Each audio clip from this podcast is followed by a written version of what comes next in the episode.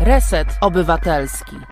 Reset Obywatelski, dobra pora, Tomek Konca albo Radio Koncao, tak więc witam się z Państwem bardzo serdecznie. Mimo tej mroźnej aury, która za oknami, mam nadzieję, że w Waszych sercach jest ciepło e, i w mieszkaniach również a mam nadzieję, że za sprawą naszej pierwszej gościni zrobi się po prostu e, gorąco. Tak więc e, za moment rozpoczniemy rozmowę. Ja tylko powiem, że dzisiaj e, dwie wspaniałe kobiety pojawią się na antenie Resetu Obywatelskiego. Pierwszą z nich jest Adriana Goulart, Kosmacka, no, mistrzyni samby, niesamowita osoba, tancerka, choreografka, reżyserka, no i w ogóle po prostu taka dusza po prostu brazylijska, e, która dzięki Bogu na szczęście zagościła w naszym kraju. Tak więc dobry wieczór, Adriano. Dobry wieczór, Tomek, dobry wieczór, słuchacie. E, na początku bardzo się cieszę i dziękuję, że przyjęłaś e, zaproszenie. E, takie technikalia w ogóle, nie wiem czy zwróciłaś uwagę, ale na początku jak się pojawiło Reset Obywatelski, no to tam był birimbał trochę ukryty tam w ogóle, tak przez chwilę. Tak, zauważyłam. A, no to bardzo się cieszę. Jesteś chyba jedyną w takim razie osobą, która birimbał. Capoeira! Oczywiście. Tak więc e, raz jeszcze dziękuję, że jesteś z nami. E, wiesz co? I chciałem, jeśli, jeśli pozwolisz, spytać o, o Twoją historię, bo e, od ilu lat mieszkasz w Polsce? 14-15 lat? Więcej, Tomek. Ja już mieszkam 20, prawie 22 lata. No właśnie, przecież zapomniałem, że jednak my się znamy e, rzeczywiście. E, no właśnie, no jak e, na Ciebie działa ta pogoda, która dzisiaj na przykład w Warszawie i wczorajsza noc? Jak, jak Ty się odnajdujesz w takich realiach? Ja bardzo dobrze. Jest zimno mi, e, tak jak wszyscy czują tą zimno, ja też czuję. Ale ja lubię kiedy śnieg, bo wtedy jest jasny, wtedy ja czuję, że naprawdę jest zima i czuję się, że jestem w Polsce. Czy tak sobie pomyślałem, może jakoś da radę połączyć sambę ze śniegiem, ale to chyba jeszcze długa droga po prostu. Zawsze się da, wystarczy, żeby było cieplutko. Kiedy śnieg jest na zewnątrz, a my robimy sambę w środku domu czy, czy, czy w klubach, to się da zawsze. No właśnie, a jak zareagowałaś na to, że w tym roku y, nie będzie oficjalnego karnawału w Rio? To znaczy, że w lutym, y, bo w lutym miał e, No, może nawet nie być, nie? E, w Rio nie planują zmienić ten termin, jeszcze nie wiemy naprawdę jak to będzie. Mówili, że może w lipcu, ale nic nie wiadomo, e, bo ta pandemia cały czas jest. E, jest bardzo smutno, nie? Bo e, to jest jeden z najpiękniejszych spektakli na świecie i nie tylko ze względu na spektakl, ze względu, że naprawdę dużo ludzi pracuje e, w tej branży, ze względu, że ludzie zarabiają i to jest bardzo, jeszcze bardziej smutne, nie? No właśnie, i widzisz, tu dotknęłaś sedna, bo chciałem poprosić Cię, żebyś nam przybliżyła, jak wygląda od kuchni ta powstawanie takiej, nie wiem, przemarszu jednej z, ze szkół samby bo wielu turystów to widzi i wielu ludzi, którzy jakby nie znają tematu, widzi tylko to, co jest na zewnątrz, czyli piękne stroje, piękny przemarsz, który czasami trwa, no nie wiem, kilkanaście minut i jakby ta historia... 80, 82 trwa minuty. A, no więc, no więc okej, okay. no to widzimy te 80 minut, ale tak jak wspomniałaś, mnóstwo ludzi przy tym pracuje. Jak wygląda praca e, w takiej szkole samby, żeby się przygotować do takiej baraki? Wygląda, że to, e, że naprawdę pracują cały rok, tak? E, oczywiście tam jest po karnawał, to na pewno potem muszą wszystko wyczyścić, się przygotować kolejne, na kolejny rok, przygotują samba, co my nazywamy samba enredo, bo to jest tematyczny. Ze względu na ten samba, który wygra, który jest pewny temat, na przykład jeżeli wybierają temat Polska, to wszystko muszą być przygotowane, nie musi padać śnieg, przecież e, ta parada, musi być góra, musi być górale, muszą być Warszawa. I to, cały, to trwa cały rok, Tomek. To nie jest tak, że trzy miesiące przed karnawalem oni zaczynają przygotować, tak? Też w Rio e, jest e, miejsce, które my nazywamy miasto samba, miasteczko samba, które cały rok tam są spektakle, tam e, każda szkoła ma swoje miejsce, żeby przygotować się do karnawale, bo nie da się przygotować w każdej w innym dzielnicy i potem przynosisz e, tam do Sambodrum te samochody, nie? Naprawdę to jest cały rok pracy. Mhm. E, Ale powiedziałaś jedną istotną rzecz, która szczerze mówiąc mnie bardzo zaciekawiła i nawet tego nie wiedziałem, że, że jest temat przewodni takiej parady. Jest, ale nie wszystkie szkoły mają ten sam temat, e, bo na, na, te, na te najlepsze szkoły to są 12, wydaje mi się, nie jestem na 100% teraz pewna, i każda szkoła wybiera, wy, wy, wybiera swój temat, tak? Na przykład Zielebieża Floch, która ma na imię Kolibry, to jest szkoła, której ja zawsze kibicuję, ona wybiera Polska i to tam są, nie wiem, e, jest konkurs, tak? E, Nie wiem, sześć samba będą konkurować, najlepszy samba wygra. Potem ze względu na ten samba, na tą samą historię, oni przygotują cały materiał, samochód, ubranie, wszystko, ale każda szkoła wybiera, temat, który chce wybierać. To, e, słuchaj, no to wynika z tego, że to są kosztowne historie przygotowanie się do takiej parady, no bo e, spójrzmy na ilość osób, e, która paraduje, maszeruje i wszyscy mają jednakowe stroje, tak więc no to, to jest chyba kosztowne. To jest bardzo kosztowne, ale generalnie szkoła dostaje też e, pieniądze, pierwsze miejsce dostaje więcej i tak po prostu. I, i my, nie, które bierzemy udział, my kupujemy swoje stroje, tak? A widzisz, no to kolejna informacja, że, że jednak jest jakaś, jakaś nagroda, gratyfikacja, czyli że ta najlepsza szkoła, która zrobi wrażenie, ma szansę na to, żeby dostać pieniądze. A powiedz, a kto weryfikuje? Kto, jest, kto jurorem jest? Kto decyduje w takim razie, która ze szkół jest najlepsza?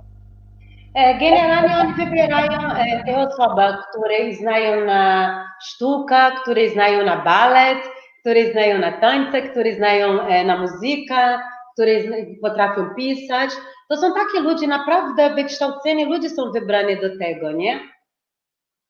No właśnie, nie wiem, Adriana, czy wiesz, ale cały czas na YouTubie są komentarze i na tej aplikacji również mam nadzieję, że widzisz, czyli cały czas nasi słuchacze komentują to, o czym rozmawiamy. No ja się właśnie dowiedziałem przed chwilą, że podobno dzisiaj jest najbardziej depresyjny dzień e, w roku. E, To uśmiechamy się. No właśnie, że to jest y, lekarstwo być może rozmowa z tobą, albo może właśnie samba, może jest pomysłem na to, żeby uniknąć depresji, albo zapomnieć o niej, albo po prostu z niej wyjść. No właśnie, czy, czy, czy są jakieś takie mm, historie, że, że taniec y, może być terapeutyczny? A, na pewno, Tomek. I, I dla mnie to jest e, mega e, terapeutyczne. Ja zawsze mówię, e, żartują tutaj u mnie w domu, ci, kiedy ja prowadzę zajęcia, że my sami możemy być słońce, nie? Kiedy ja idę, ja jestem słońce. Mimo, że dzisiaj na zielono, ale generalnie świecą na, na, na złoto. E, oczywiście, że jest, nie? E, ty, ty wiesz o tym. Kiedy się czujemy smutne, to wystarczy włączyć fajną muzykę i od razu jest nam lepiej, tak? Oj, oj, tak. No ja przyznam się, że od kiedy poznałem, wiesz, e, capoeirę i jakby za tym poszło moje, moja fascynacja kulturą brazylijską, no to ta muzyka, no to wiesz, jest całym moim życiem tak naprawdę. Od tego momentu ja zostałem Brazylijczykiem, jak wiesz, po prostu, mimo że niestety Miło nigdy, mi, bracie.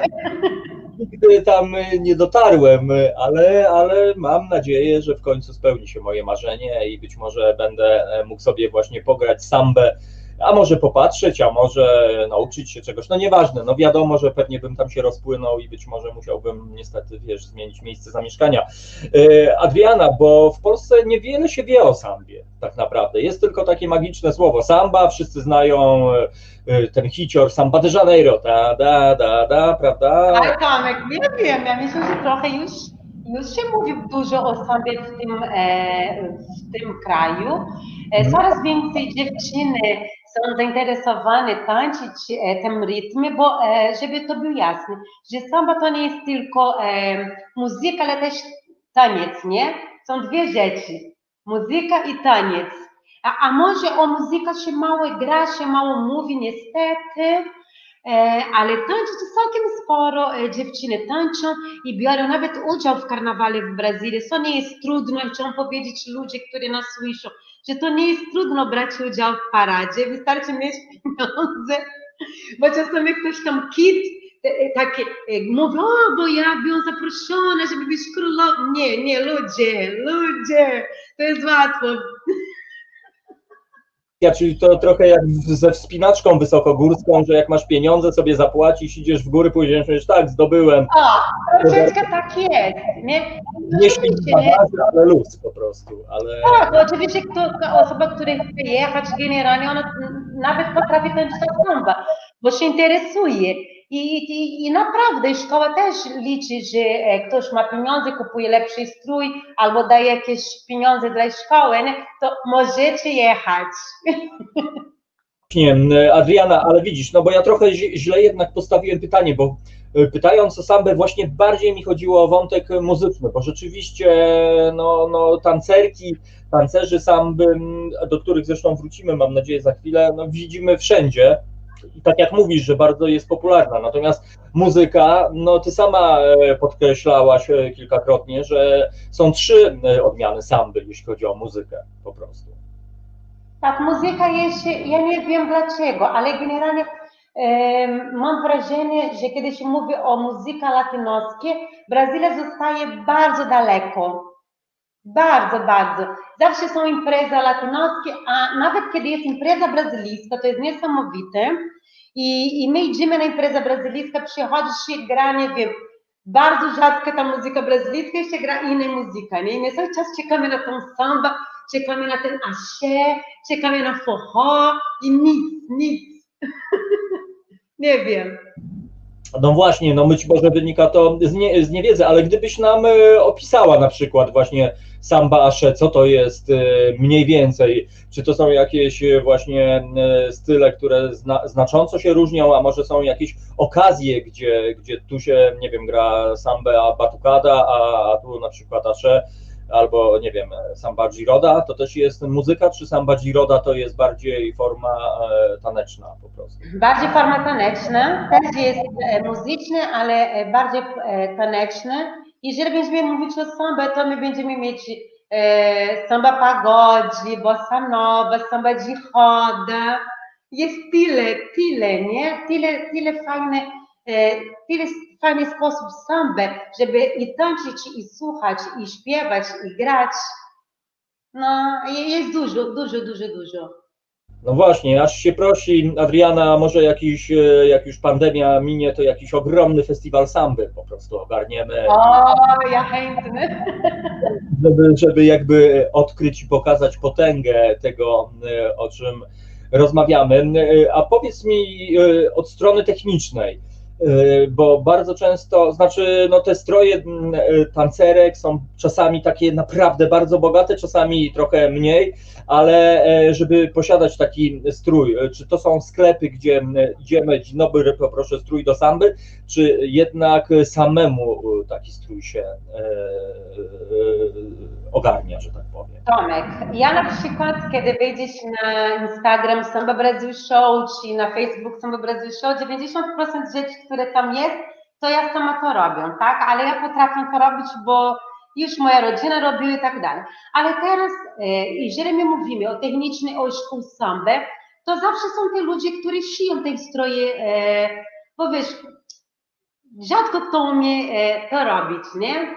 To wiesz, to jedziesz tam do pewnego atelier i ta osoba szyje dla ciebie. Oczywiście, kiedy paradujesz, to musisz szyć według, tak jak ci powiedziałam, według scenariuszy, bo to jest spektakl. Ja zawsze to powtarzam. To nie jest po prostu, że szyj co chcesz. Nie. I, i, i te dziewczyny, które każda tak e, myśli i wyobraża te pióry, takie skromne, śliczne, nagie, strój, ich e, naprawdę to jest mało, tak? Jest ta królowa, która paraduje bo ona jest królowa, jej są pary i te dziewczyny, a reszty ludzi, które paradują, czasami nawet nie potrafią tańczyć tak samba, my nazywamy samba nupé, nie? I po prostu ta grupa, ale sić to trzeba iść do atelier, do osoby, które umieścić i można, e, jeżeli będziesz teraz jest Instagram i, i Facebook, to można pisać hasło i znaleźć te osoby, które szyją w Brazylii, one nawet szyją i wysyłają ci stroje, nie? Ten sposób. A czy to prawda, że e, w stroju do samby są bażancie pióra, pióra bażanta? Jest bażanta i stróż i ja mam generalnie dużo te, mimo że ja kocham zwierzęta, mam nadzieję, że te pióry nie są wyrywane w sposób e, zły, ale coraz więcej teraz się mówi o sztuczny piór, tak? One nie robią takie wrażenie, nie są takie lekkie, ale już zaczynamy używać sztucznych. Ze względu, um, bo dbamy o zwierzęta i też cenowo.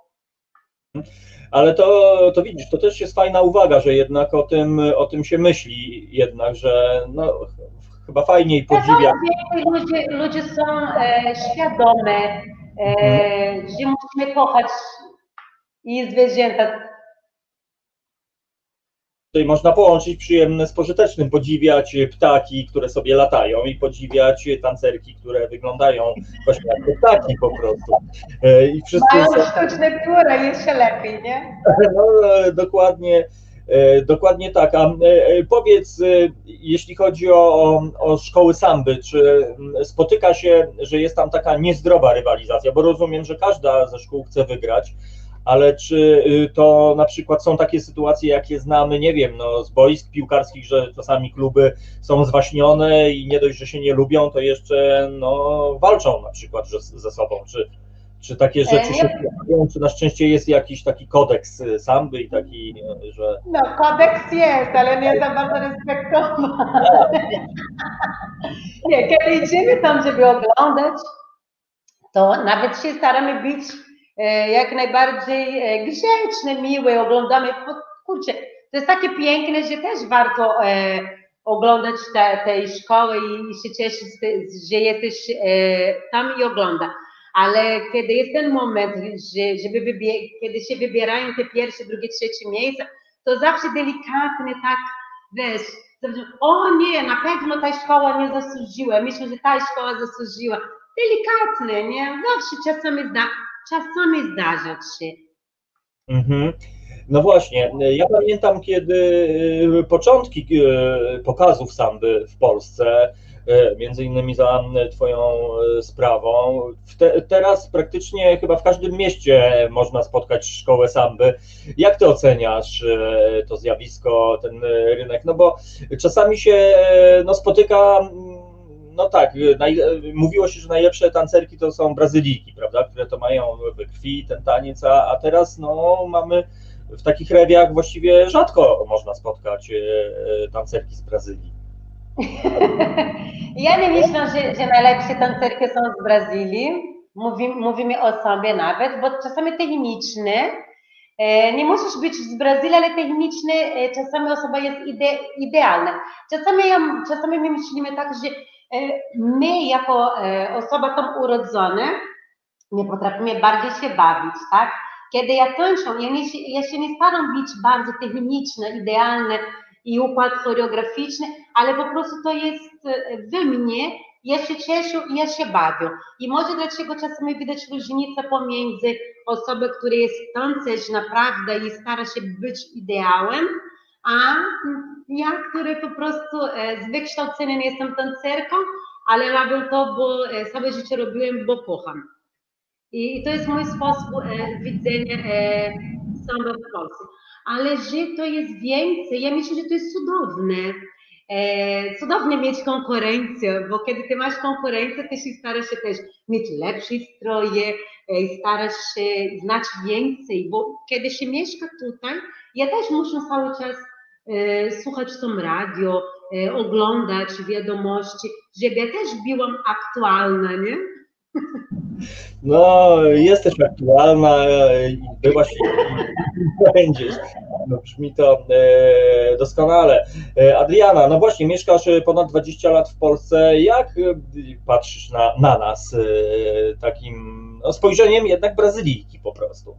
Co, co się w Polakach podoba, co uważasz, że moglibyśmy zmienić? Takie stereotypowe pytanie. Tak, ja Was bardzo kocham. E, się nauczyłam tutaj na przykład jedną rzecz, co ja bardzo mi się podoba, że wy jesteście bardzo dyskretne, nie jesteście głośne, że e, ten respekt, e, tak naprawdę to ta cisza. Ja bardzo lubię ta cisza w Polsce. Mimo, że jestem bardzo głośna, lubię imprezować. Jeżeli bym mogła, bym imprezował prawie codziennie. Z batukadą i tak dalej, nie? Ale e, ja, ja Was kocham, naprawdę. Ja nie mogę powiedzieć, że ja się czuję Polką, bo e, nigdy nie, będzie, nie będę e, czuła się Polką, ale mogę powiedzieć, że 30% e, mojego serca już jest e, tutaj i, i, i, i po prostu ja kocham ten kraj. No właśnie, no to jest e, no bardzo miłe to, co mówisz e, i uważam, że to no tylko, tylko ma dobre e, po prostu wychodzi. No jednak ta kultura brazylijska, ja mam wrażenie, że ona przeżywała, jakby zaczęła swój taki pochód po prostu do, do niemalże bycia powszechną w Polsce od momentu końcówki lat 90., kiedy capoeira pojawiła się w Polsce. Nie wiem, czy e, podzielasz e, tę opinię, ale no jak dla mnie, tak jak mówię, to było pierwsze spotkanie z capoeirą, ja nagle e, poznałem mnóstwo ludzi, no i, i, i za tym poszło mnóstwo historii, dzięki którym na przykład mam kolegów, którzy w tej chwili mieszkają w Brazylii, po prostu E, mam kolegę, który właśnie wziął ślub niedawno i ty też masz tego kolegę, Kamila, tak więc e, no to tak. cudownie ja, też, ja, ja, ja zgadzam się z tobą. E, ja pamiętam tak, że jako zespół to naprawdę jest stworzyłem pierwszy zespół samba w Polsce, tak? Pamiętasz, że ta samba, nie że ona nie istniała, ale takie złożenie takie pokazowe i tak dalej, i ja zaczęłam to. I bardzo się cieszę, tak jak ty też zaczęłaś jako DJ. Pamiętam ciebie jako pierwszy, tak? E, tak, tak jak ja nie jestem, nie możemy powiedzieć że ty byłeś jedyny, ja byłam jedyna, ale prekursor, pre, się mówi. e, I to jest bardzo fajne, nie? że my widzimy, że coraz więcej jest i że to się zaczęło od nas. No właśnie, też e, masz rację, tak sobie człowiek teraz tak pomyślałem, przecież to jest dwudziestoletnia historia, no ale, ale jedynie tylko, tylko się cieszyć, bo dzięki temu oprócz tego, że ludzie poznają kulturę, poznają muzykę, poznają taniec, no to jednak ta wiedza na temat Brazylii e, staje się e, coraz bardziej bliska Polakom i i, to jest taki fenomen w sumie, że, że tak się lubią z Brazylijczykami i mam wrażenie, że odwrotnie, no bo po prostu nie wiem skąd jest ten e, fenomen. Może dlatego, że kolega po brazylijsku e, to, to kolega po polsku tak samo. Może tak. Ja myślę, że my robiliśmy to bardzo dobrze, bo jeżeli na początku to by było źle, to by nie było tyle ludzi zainteresowanych dzisiaj, prawda? E, to prawda, e, ja patrzę na komentarze. Ale mi skromne. Mam nadzieję, że notowania wzrosną teraz i się telefony rozdzwonią jak wtedy. E, ale nic, czytam komentarze naszych słuchaczy i Kasia pisze, Adriana, jak mówi, to ja już czuję, jakby był karnawał po prostu. Oj, zapraszam, ja mam zajęcia online każdy czwartek. Ja mam taką grupę na Facebooku, która się nazywa Adriana Samba z Adriana online, wydaje mi się. I, i 18.30 zapraszam na tą samba online. Przynajmniej no jest tyle zabawa. Ja myślę, że masz już ze 300 osób y, od razu w ogóle. Przygotuj się Zapraszam serdecznie. Tam. Ja po prostu nie przygotuję się na zajęcie, tak jak ja powiedziałam. Ja po prostu włączę komputer i nie wiem, włączę e, muzykę i soleci, to mnie bawimy się. E, Adriana, słuchaj, bo często mówimy samba, samba, dziewczyny, kobiety, dziewczyny, ale jaka jest rola chłopaków, czy, czy no właśnie, czy jest tam miejsce na facetów w tej, w tej sambie? Boże, no, zawsze jest miejsce dla was. Nie, bo ja bardzo że pokaz jest. samby jest tak, że jest kilka, kilkanaście tancerek i jeden, jeden, nie wiem, właśnie ten y, tancerz, że tak powiem. Nie, w Polsce tak, bo e, my mieliśmy trochę kłopoty, żeby znaleźć tancerzy i to taki stereotyp, e, że ludzie chcą zobaczyć tę piórę, wiesz o co chodzi, nie? Tej stroje, tak? Ale e, jeżeli wejdziesz e, w internecie i szukasz tancerz, e, my nazywamy pasistas, i to jest ta sama nazwa, jest śmiesznie, bo to jest pasista mężczyzn i pasista kobieta. Ta sama nazwa. Jeżeli piszesz pasista, to trzeba pisać. I oczywiście, że jest, ten krok jest ten sam, tylko że my tańczymy bardziej na palca, nie? Ze względu, że my tańczymy na obsasach, ale krok jest ten sam, ten ruch jest ten sam i naprawdę bardzo fajna rzecz, że kiedy my tańczymy, bo ta samba karnawałowa, wy mówicie na to samba karnawałowa, my nazywamy samba nupe, to jest tak, że my z delikatnością, z uśmiechem, tak jak wy um, kokietujemy tego faceta, a on nas kokietuje, ale my się nie dotykamy. No, no to jak brzmi zupełnie jak, jak tango, jakaś odmiana tanga, że taka gra w ogóle, że to. Tak, że to jest taka gra, tylko że my w żadnym momencie my się nie dotykamy. Aha. E, No właśnie, e, tutaj nasze słuchaczki po prostu podekscytowały się na myśl o sambie z tobą. To e, jeszcze ra- raz, Adriana, e, na Facebooku. e, Adriana, tak? E, Jeszcze raz, gdybyś mogła, bo tutaj dziewczyny się dopytują. Ja, słuchajcie, ja nie pamiętam. Jeżeli szukacie Adriana Góra, to tam będzie e, samba z Adrianą, coś takiego jest na Facebooku, znajdziecie. No dobrze, no to ja może się też przełamię i w końcu może się czegoś tam e, nauczę. Adriana, Dawać. Ja mam e, teraz e, taką propozycję, zróbmy może taką e, delikatną przerwę na muzykę, tak ze, ze 2-3 minutki i, i jeszcze bym Cię poprosił, jeszcze jakbyśmy chwilę mogli pogadać po prostu. Dobra. Więc ja mam prośbę do Krzysztofa, naszego realizatora, bo z tego co wiem mamy nagranie w bazie Keniego Roxa Obrigado Brazil, tak więc no idealnie by się po prostu składało, tak więc e, jeżeli Krzysiu tam znajdziesz Obrigado, e, no to e, powinniśmy co prawda na koniec naszego... Tomek, teraz ja szybko tego nie znajdę, mogę to dać na następną przerwę.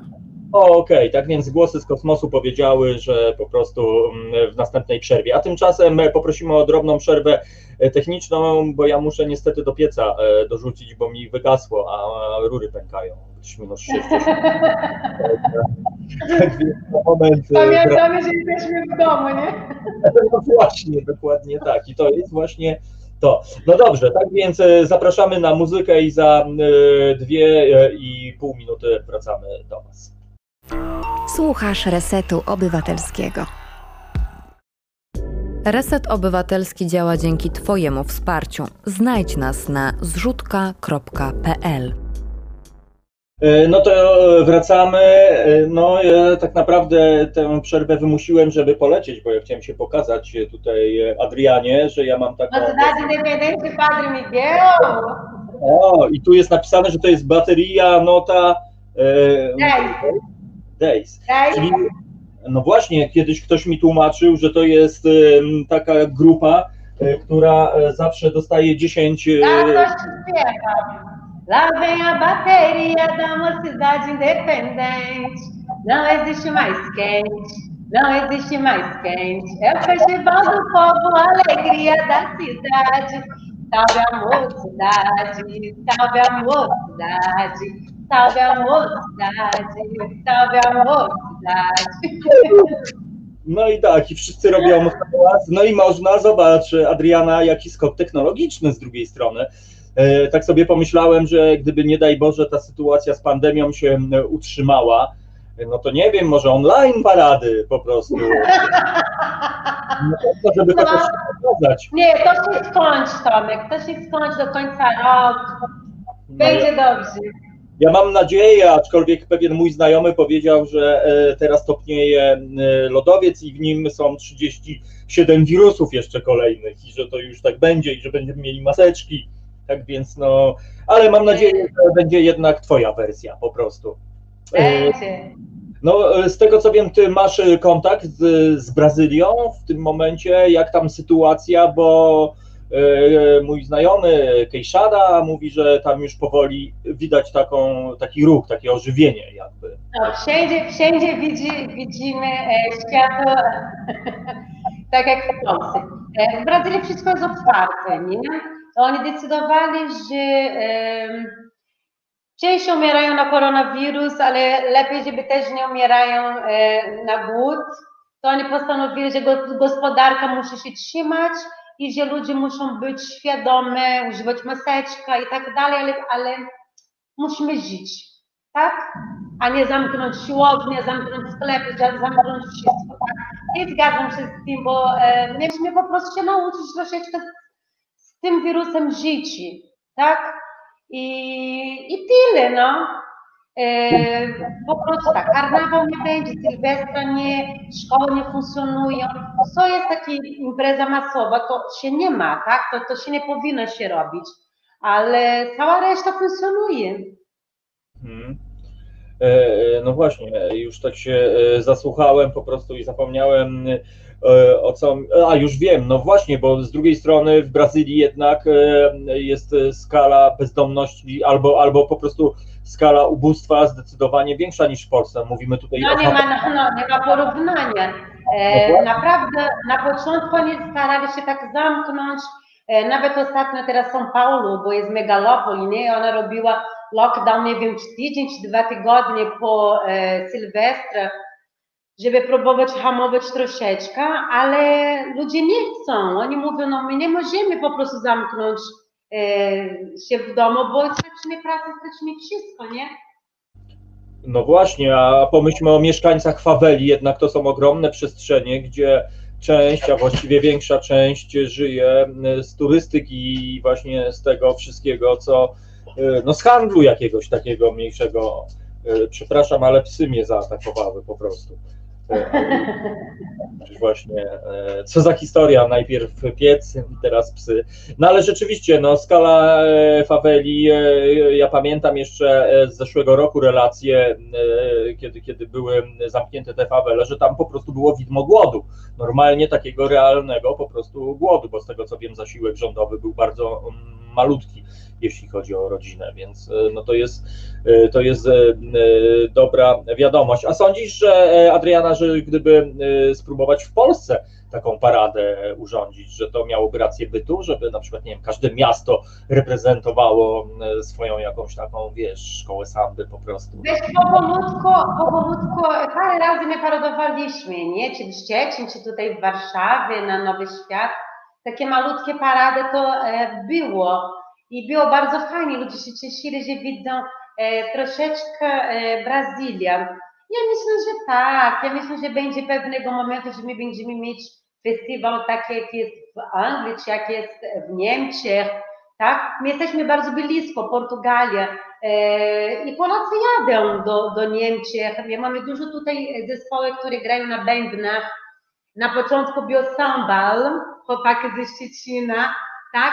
I teraz Rafał ma taki projekt, który się nazywa Bloku Pomierania, dużo większe. Warszawa też są chłopaki, które grają. E, ja myślę, że na pewno. No, tak, tak. Ja pamiętam, kiedy rozmawiałem z Mikołajem Żółkowskim z Rit Modeli, który. Rit Modelia. Tak, który pamiętam, on zawsze był bardzo zdolnym perkusjonalistą, ale dopiero jak pojechał do Brazylii, kiedy zagrał z muzykami tamtejszymi, no to mówi człowieku po prostu. Ja widzę tą kolosalną różnicę, dlatego po prostu to moje wcześniejsze trochę pytanie o jakość samby w Polsce, bo bardzo często właściwie w każdej szkole tańca można zobaczyć, że tam mamy zumba i tak dalej, ale też jest właśnie samba i tak trochę, trochę się martwię, czy my mamy rzeczywiście na tyle dużo sprawnych instruktorek albo instruktorów, którzy mogliby no dobrze po prostu robić swoją robotę. Mówisz o graniu czy o tańczeniu? Ja myślę, że... Przepraszam, znowu mów teraz o tańcu. Teraz no, mówię... Mamy, mamy dobrych instruktorów, e, ludzi, którzy jadą do Brazylii, ludzi, którzy się starają, ludzie, którzy naprawdę technicznie są bardzo dobre. E, czyli, czyli nie ma, czyli jest dobrze, nie ma, nie ma takiej. Ja, ja pamiętam po prostu, jak była sytuacja z capoeirą, że e, nagle zrobiło się mnóstwo tych grup, no i niektóre były profesjonalne i jakby idące e, słuszną drogą, a niektóre no to były takie trochę. Ale Tomek, to zawsze tak jest. Aha. Zawsze tak jest. Zawsze będą te, które myślą, że napadają buty do samba i te buty tańczą dla nich, nie? To zawsze tak będzie w życiu. Te, które trzymają bębny, myślą, że bębny będą dla nich grali, a nie oni grają na bębnach. To my musimy zawsze liczyć na takie rzeczy. Aha, a powiedz jeszcze tak y, od strony technicznej takiej parandy samby w Rio. E, wspominałaś, że tam ponad 80 minut trwa e, taka parada, ale e, co się dzieje później? Czy ludzkość się rozchodzi po mieście, czy nie wiem, jest jakaś jedna wielka impreza? Ja mówię o czasach przedpandemicznych jeszcze, jak to... Nie, jeżeli, jeżeli mówimy o parada, o Rio, o Sambodromu, tak. to kiedy siedzisz na tej widowni, to będziesz siedział do 7 rano, nie? Bo to jest 12 e, szkół i każda szkoła, wydaje mi się 80 albo 82 minuty, każda szkoła musi e, przychodzić od początku do końca, tak? Wszystko jest mega, bardzo dobrze organizowane. Nie można tak wiecznie iść powoli. Idziesz więcej niż 85 minut, to jest tracisz punkt, tak, punkt, nie? I, i wyobraź sobie, nie? No, słuchaj, 12 szkół to jest trochę, nie? To wiesz, jeżeli to się zaczyna o godzinie 19, to się kończy o 7 rano. To rzeczywiście zmienia, zmienia postać rzeczy. Rozumiem, że wtedy prywatka jest e, na ulicach. Nie ma tak, że ktoś sobie pije kajpirynnie i na przykład e, przychodzi policja i mówi mandat po prostu. Nie, nie, nie ma, nie ma tej rzeczy, nie. Jest karnawał, jest impreza, jest zabawa. Moglibyśmy tę tradycję do nas jednak e, wprowadzić akurat, żeby policja może... Na, na, na pewno, będziemy, będziemy w parku, od razu Dokładnie tak. E, mamy pytanie od e, Wiewióra, naszego słuchacza. Czy samba to tylko Rio? Jak to wygląda w innych brazylijskich stanach? Nie, samba to nie jest tylko w Rio, ale przede wszystkim w Rio, tak? Co, jeżeli my mówimy o paradzie, to my mówimy naprawdę Rio i São Paulo. Te dwa miejsca, gdzie mają ten sambodrom, gdzie jest ta parada. Ale w innych miastach e, też są parady. Jeżeli nie parady, to są imprezy uliczne, ale na przykład Salvador da Bahia, który jest bardziej blisko równika i tam bardziej się jestem z Axé, samba Axé. I tam są trio, to jest wielki samochód, który piosenka śpiewa i ludzie po prostu skaczą i się bawią na ulicy. E, będziemy mieć prawo gdzie indziej. To nie jest wszędzie ta samba, ta samba, co my znamy, tak? Naprawdę to jest w Sudeste, São Paulo, Rio.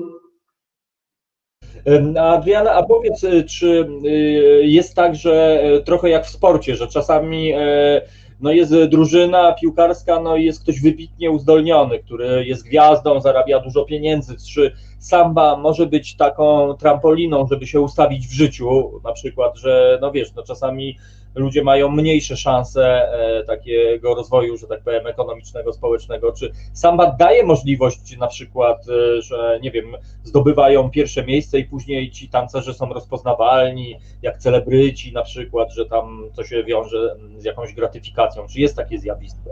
Ja myślę, że od momentu, kiedy mamy Facebook i Instagram, to te ludzie zaczęli troszeczkę być bardziej znane bo e, kiedy ty się interesujesz sambą, to ty będziesz szukało te ludzie na te e, Instagram czy Facebook i muszę ci powiedzieć, że e, teraz te ludzie mają szansę wyjechać z, z, z Brazylii i przyjadą na przykład czy do Polski i robią warsztat taneczny samby, tak jak już był Carlinhos, który jest bardzo znany choreograf i trzyma tą grupę passistas z szkoły Salgueiro. Jest osoba bardzo znana, czy Berlinia, taka tancerka, która jest świetna i wiele dziewczyny ją oglądają, czy Majara, Lima, są różne. I teraz one naprawdę tak są tro, trochę bardziej znane, mają szansę się pokazywać. Ale że to jest trampolin, ja bym powiedziała, że jeszcze nie. Niestety. Na przykład e, ja jej znam, bo ja się interesują. Ale na przykład moja siostra mieszka w Brazylii, one się nie za bardzo interesują samą, to te ludzie dla nich po prostu, ona nawet nie wie, kim oni są. Tak? Ale bardziej tak znane są te ludzie, które my nazywamy puszadów, te, które śpiewają podczas parada. Tak jak Neguinho da Beija-Flor, to ten, który wiesz, zawsze jest ze szkoły Kolibri, nie? Beija-Flor. To on już jest trochę bardziej znany, czasami dostaje propozycje, nagrywa jak, jakaś płyta. To te ludzie trochę tak, ale że to ten trampolin, że już się robi bardzo znany, w Brazylii nie za bardzo. No, miejmy nadzieję, że być może się to e, zmieni. Tak samo jak wiesz, no, e, z muzyką hip-hopową na przykład przez długi czas było, że było mnóstwo zespołów, a nagle e, przyszła taka, taka, taki moment, że nagle ci, którzy byli najlepsi, no, są po prostu gigantami, zarabiają ciężkie pieniądze, podobnie jak sportowcy, więc miejmy nadzieję, że coś takiego się pojawi w Brazylii. Adriana, bo ty jesteś też choreografką, reżyserką która, które z tych zajęć jest takie najbliższe Twojemu sercu? Czy wolisz jednak scenę, taniec, tę ekspresję, szaleństwo, czy tak właśnie sobie popatrzeć, ustawić, powiedzieć nie, ty bardziej w lewo, ty w prawo, tutaj skrzydła bardziej w górę? E, e, gdzie, gdzie, gdzie bardziej się spełniasz? Tomek, ja mam ogromne problemy z tym, bo ja już myślę, że to jest czas, żeby przestałam występować, przestałam być na scenie, bo przychodzi ten moment, kiedy my musimy odejść i, i tylko e, układać układy i, i, i być reżyserem e, swoje zespoły czy, czy inne rzeczy. Ja wolę być na scenie, nie? Dla mnie to jest e, tak mega przyjemność. Ja, ja, ja nie robię to tylko e, ze względu, że idę zarabiać, ale robię to, bo ja kocham. I moment na przykład, kiedy ja najbardziej kocham, kiedy ja współpracuję z zespołem grającym na żywo i ja słyszę te bębny, nie, te dwie minuty przed moją, kiedy ja wyjdę na scenę. I kiedy ja wyjdę, to dla mnie to jest jakby cały, cały we mnie taki idzie do góry, nie, taka wielka eksplozja, nie? Ja chcę się uśmiechać, ja chcę dawać siebie całość. To jest mega, mega przyjemnie występować. Oj tak, no ja potwierdzam, bo nieraz byłem świadkiem i nieraz po prostu nawet będąc DJ-em zapominałem po prostu o tym, że trzeba zaraz y, muzykę zmieniać, bo po prostu e, zamurowało. E, bardzo lubię występować, bardzo. Zapraszam na mój Instagram. Czasem ja to nagrywam, nagrywam sama filmiki, e, bo ja nie wytrzymuję. Więc ja myślę, że od dzisiaj masz na bank e, nowych e, fanów, a właściwie prawdopodobnie. No, naprawdę już są. O, o, dokładnie, może jakiś casting, może grupa, a powiedz, e, cały czas prowadzisz swoją grupę, prawda? Po prostu. Cały Sam... czas prowadzę, niestety ostatni raz mieliśmy występ w lutym rok temu i już zaczęła się pandemia. I no teraz przez, w lecie my mieliśmy malutkie prace, nie, na zewnątrz, coś tam, ale żadne tak imprezy i występy. No, czekamy, żeby wszystko było znowu spokojne, żeby wrócić. Normalnie, no to wtedy eksplozja będzie. Oj, to będzie karnawał, jakiego chyba do tej pory nie było. Adriana, a powiedz, czy zdarza Ci się pracować, prowadzić warsztaty na przykład z dziećmi? I jak, jeśli tak, jak dzieci reagują na, na z dziećmi ja ostatnio e, rok temu dostałam propozycję, żeby przez dwie godziny prowadzić warsztat, ale naprawdę takie nie były dzieci, to były, nastala, na, były e, nastal, nastolatki, e, mieli tam po 14 do 16 roku życia, dobrze reagują, nie?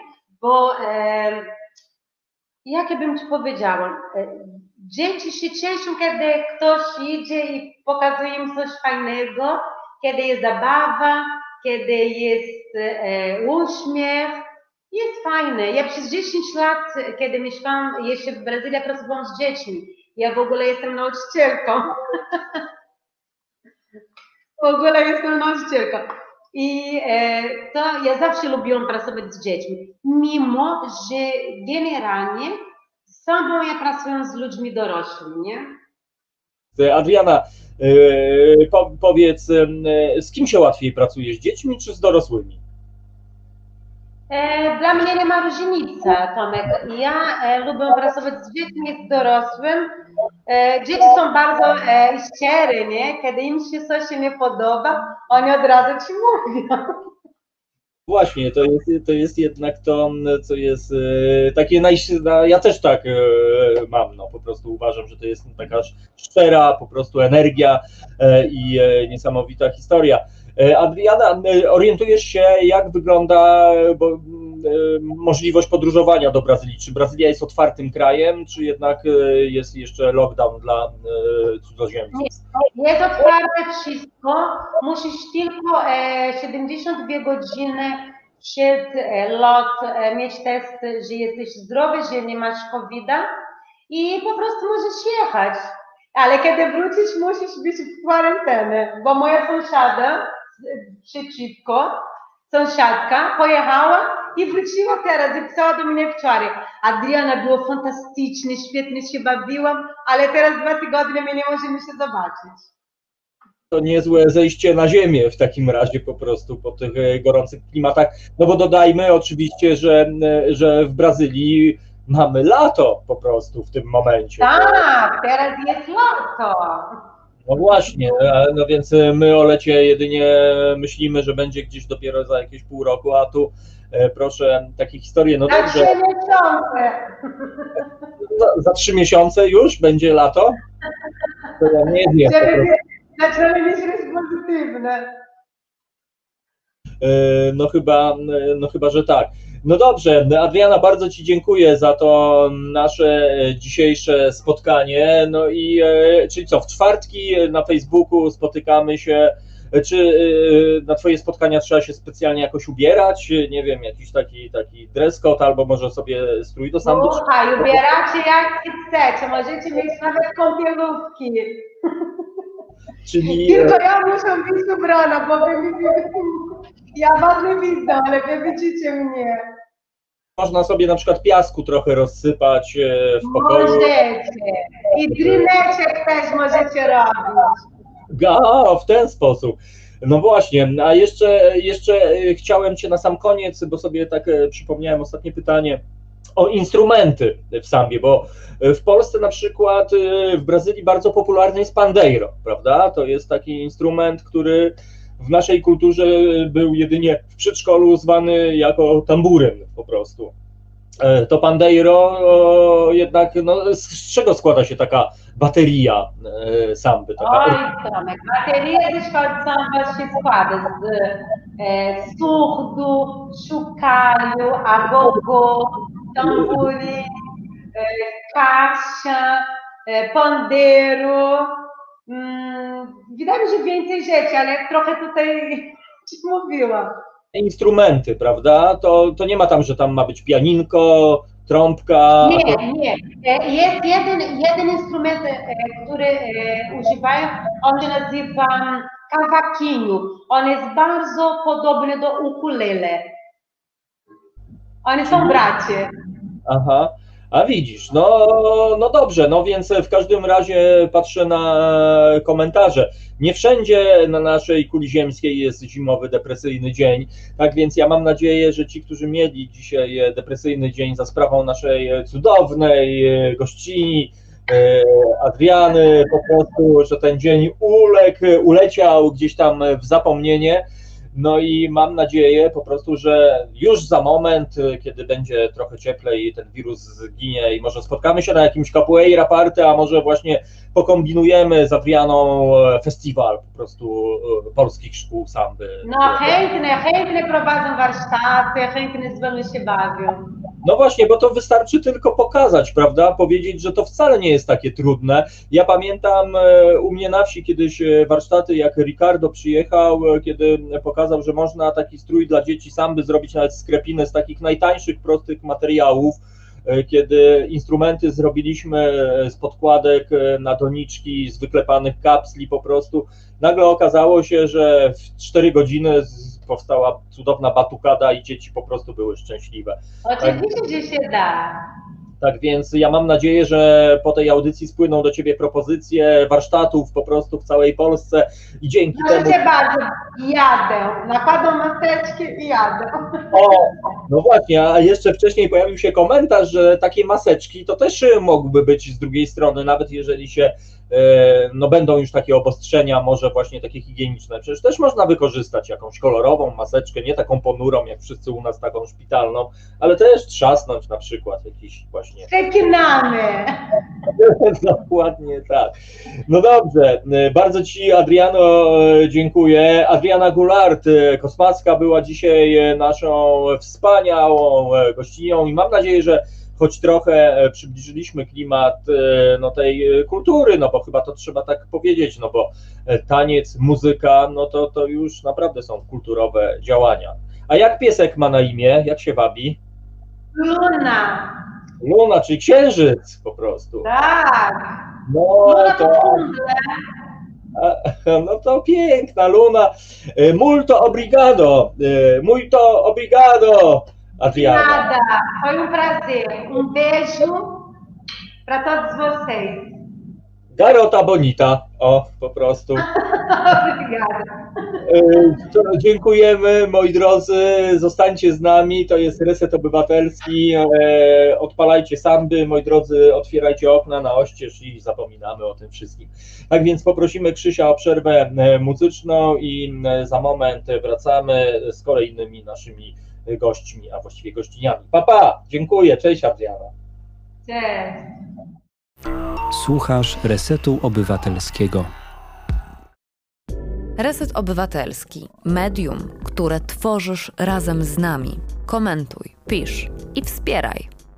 E, No dobrze, e, jesteśmy po tej muzycznej przerwie, dobra pora, e, reset obywatelski, no i tak się zabu- zabujało e, dzięki tym brazylijskim piosenkom, a my łączymy się z naszymi gośćmi. E, Okazuje się, anonsowałem gościnie, ale okazało się, że goście, e, jak się dowiedzieli, że reset obywatelski, no to mamy gości. Ja y, jestem winny wyjaśnienie na samym początku, bo w opisie pe- popełniłem pewien błąd, opisując Olę Widelską, z którą między innymi porozmawiamy za chwilę. Napisałem, że jest ratowniczką medyczną, ale to troszeczkę się zagalopowałem po prostu.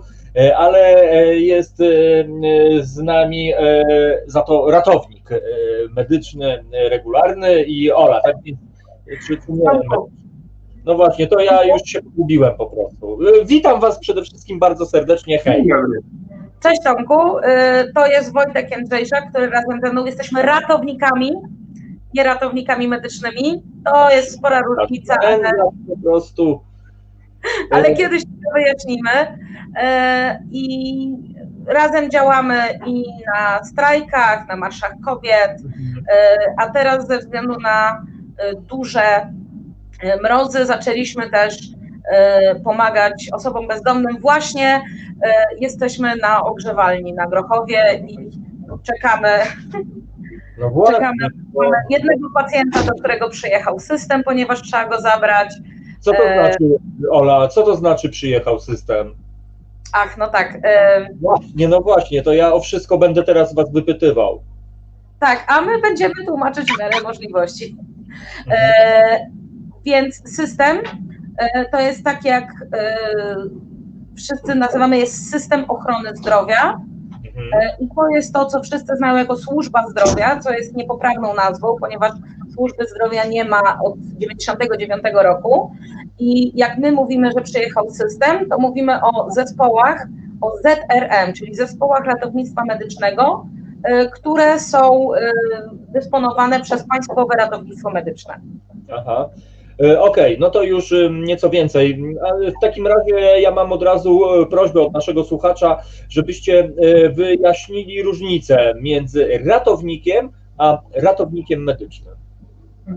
Żeby zostać ratownikiem medycznym, trzeba odbyć trzyletnie studia, bądź osoby ze starszego systemu po liceach, e, były specjalne licea, technika e, dla, dla ratowników medycznych, ale jest to już e, odwołane, tamte dyplomy zostały nostryfikowane. I teraz, jeżeli ktoś chce zostać ratownikiem medycznym, musi pójść na studia ratownictwo medyczne, bądź może też zostać pielęgniarką systemu, tak jak ja właśnie się staram. Jestem na drugim roku pielęgniarstwa i będę dorabiała specjalizację z medycyny ratunkowej. E, a ratownik jest to osoba po państwowym e, kursie, e, po egzaminie państwowym, kurs można zrobić prywatnie i jest to 72-godzinny 76-godzinny kurs skwalifikowanej pierwszej pomocy, który pozwala uzyskać tytuł ratownika. I Aha. takie kursy mają na przykład strażacy, ratownicy, policjanci, e, ratownicy wodni e, poza e, kursem ratownika wodnego muszą mieć właśnie też tytuł ratownika KPP. Aha. No właśnie, Ola, my pierwszy raz część naszych słuchaczy miała okazję Cię poznać w 2019 roku, kiedy Ty działałaś w ramach medyków na ulicy. Wtedy ja, ja pamiętam, bo znaliśmy się, razem pracowaliśmy, ja pamiętam wtedy no, twoją taką zmianę po prostu, że, że widziałem takie mocne zaangażowanie i że e, mam wrażenie, że wtedy e, odkryłaś swoje takie powołanie, przynajmniej z mojego punktu e, widzenia. No w tym momencie jesteś, tak jak mówiłeś, jesteście w ogrzewalni, E, no i, i, mówisz o ludziach w kryzysie bezdomności. No nam sobie teraz trudno wyobrazić, szczególnie w takiej temperaturze, jaka jest za oknami, że ktoś na przykład e, śpi na, na zewnątrz. No, po prostu to jest... Znaczy, jeżeli chodzi tutaj o ogrzewanie, no to z tego, do czego ja byłam przyzwyczajona, e, kiedy współpracowałam z medykami na ulicy, to była Fundacja Fortior, E, my zakończyliśmy współpracę e, na początku 2020 roku, e, ale jakby oni też prężnie działają, jest też dużo innych fundacji. Ja się przerzuciłam na inne aktywności, ale nadal bardzo się cieszę, bo dzięki temu odkryłam właśnie bardziej to powołanie, bo ja to tak nazywam, ludzie się z tym mogą nie zgadzać, bo dla większość mówi, że to jest praca E, no ale ja jednak i tak wiele z tych rzeczy, które robię, e, robię wolontaryjnie i nieodpłatnie, bo e, jakby jeszcze nie udało mi się zatrudnić właśnie w systemie, ale teraz jak Wojtku, chcesz coś dodać? Tak czy siak dzięki Fortierowi, dzięki medykom na ulicy zaczęłam się jeszcze bardziej rozwijać, poszłam na to pielęgniarstwo i właśnie mam nadzieję zostać pielęgniarką systemu, E, i pracować na sorach e, i w karetce, a ponieważ związałam się wtedy z tymi bezdomnymi i przyznam, że e, z całej pracy z fundacją kontaktu z bezdomnymi brakowało mi najbardziej. To są tak naprawdę wspaniali ludzie, których spotkały bardzo niefajne rzeczy. W każdym można odkryć coś cudownego. Tutaj jakby jak jesteśmy na ogrzewalni, tu są luksusowe warunki, ponieważ aby zostać zakwalifikowanym do wejścia do ogrzewalni, trzeba być trzeźwym. Y, tutaj ludzie są, y, mają obowiązek mycia się dwa razy dziennie, więc y, i dostają czyste ubrania, dostają posiłki, ale też sami dbają o czystość tej ogrzewalni. Właśnie w tym momencie mamy, jest przerwa, ponieważ podopieczni ogrzewalni E, czyszczą i dezynfekują e, całe, cały budynek, e, w którym spędzają czas. No widzisz, w sumie i znowu takie pozastereotypowe działania, bo bardzo często ludzie postrzegają, że, że ludzie właśnie bezdomni, że oni są przyzwyczajeni, że chcą, przychodzą, biorą, wychodzą, a tu jednak no mówisz o czymś innym. To ja może Wojtka teraz podpytam. Dlaczego Dlaczego wybrałeś e, taką właśnie drogę? Tak naprawdę ratownictwo interesowało mnie od samego początku. Od mało lata byłem uczony dobrych wartości, które w pracy ratownika po prostu bardzo przyświęcają. W wieku 12 lat zaangażowałem się w wolontariat na rzecz Wodnego Ochotniczego Pogotowia Ratunkowego. Tak jak tutaj Ola mówiła, że ratownik wodny również musi posiadać KPP, co jest stuprocentową racją. Ja jako już ratownik pełnoletni wodny zostałem skierowany na kurs doszkalający skwalifikowanej pierwszej pomocy, żeby móc zatrudnić się w roli ratownika wodnego. I tak naprawdę w momencie, w którym pracowałem na plażach, skierował mnie to, ty stary, wiesz co, fajna robota, ale może trochę nie ciągnie cię bardziej w kierunku ratownictwa medycznego. Sam sobie prowadziłem taki dylemat w głowie dosyć sporo czasu i skończyłem na tym, że teraz pracuję zawodowo jako ratownik kwalifikowanej pierwszej pomocy oraz opiekun medyczny w szpitalach, również na szpitalnych oddziałach ratunkowych. E, mam e, kolejny głos, e, Julka, który do nas pisze, że ratownikiem warto być i warto wiedzieć, jak pomagać i się doszkalać. Tak więc, no właśnie, czy uważacie, że to powinna być powszechna wiedza? Ratownikiem się jest, a nie się nim bywa w momencie ukończenia. E, tak, tutaj działają. E, ogrzewalnia działa pomimo tego, że udzielamy wywiadów, więc tutaj musimy się dostosowywać do warunków, jakie e, są, które są luksusowe. E, to są najcudowniejsi medycy na świecie, naprawdę. Bardzo to nas mówi może po prostu. Ale tylko powiedzieć jedno, że panu Henrykowi e, to, że zimno, to zimno, tylko zaczęła mu ciec krew. Znowu. E, dobrze, to w takim razie e, Wojtek odpowie na resztę Twoich pytań. Ja pójdę na chwilę do pacjenta i wrócę do Was, dobra? Historia. No sami, sami widzicie, moi drodzy, no po prostu radiointerwencyjne. No ale tak, no właśnie to się wszystko tu i teraz, moi drodzy, za naszymi oknami większość z nas siedzimy sobie w danych pomieszczeniach, e, może po obiadku, może właśnie przed kolacyjką, herbatka gorąca, a tu takie historie. Wojtek, co tam się dzieje teraz? Jakaś groźna sytuacja, czy, czy, czy, czy, czy pod kontrolą po prostu? Tutaj tak naprawdę jest to tym razem nasza rutynowa sytuacja. Pacjent z obrzodzeniem, pękło mu obrzodzenie. Ola poszła z całym panelem podstawowej apteczki w celu zaopatrzenia pacjenta. Jeśli mówimy o sytuacjach ekstremalnych, właśnie przed naszą twarzą, przed moją twarzą, przed, przed szybami mamy zespół Państwowego Ratownictwa Medycznego, w którym z OLO dzięki naszej interwencji rozpoznaliśmy na przełom nadciśnieniowy. Przełom nadciśnieniowy oraz choroby przewlekłe u osób bezdomnych bardzo często się wykrywa właśnie w takich punktach, bo te osoby nie skarżą się na nic oraz nie mają możliwości diagnozowania się.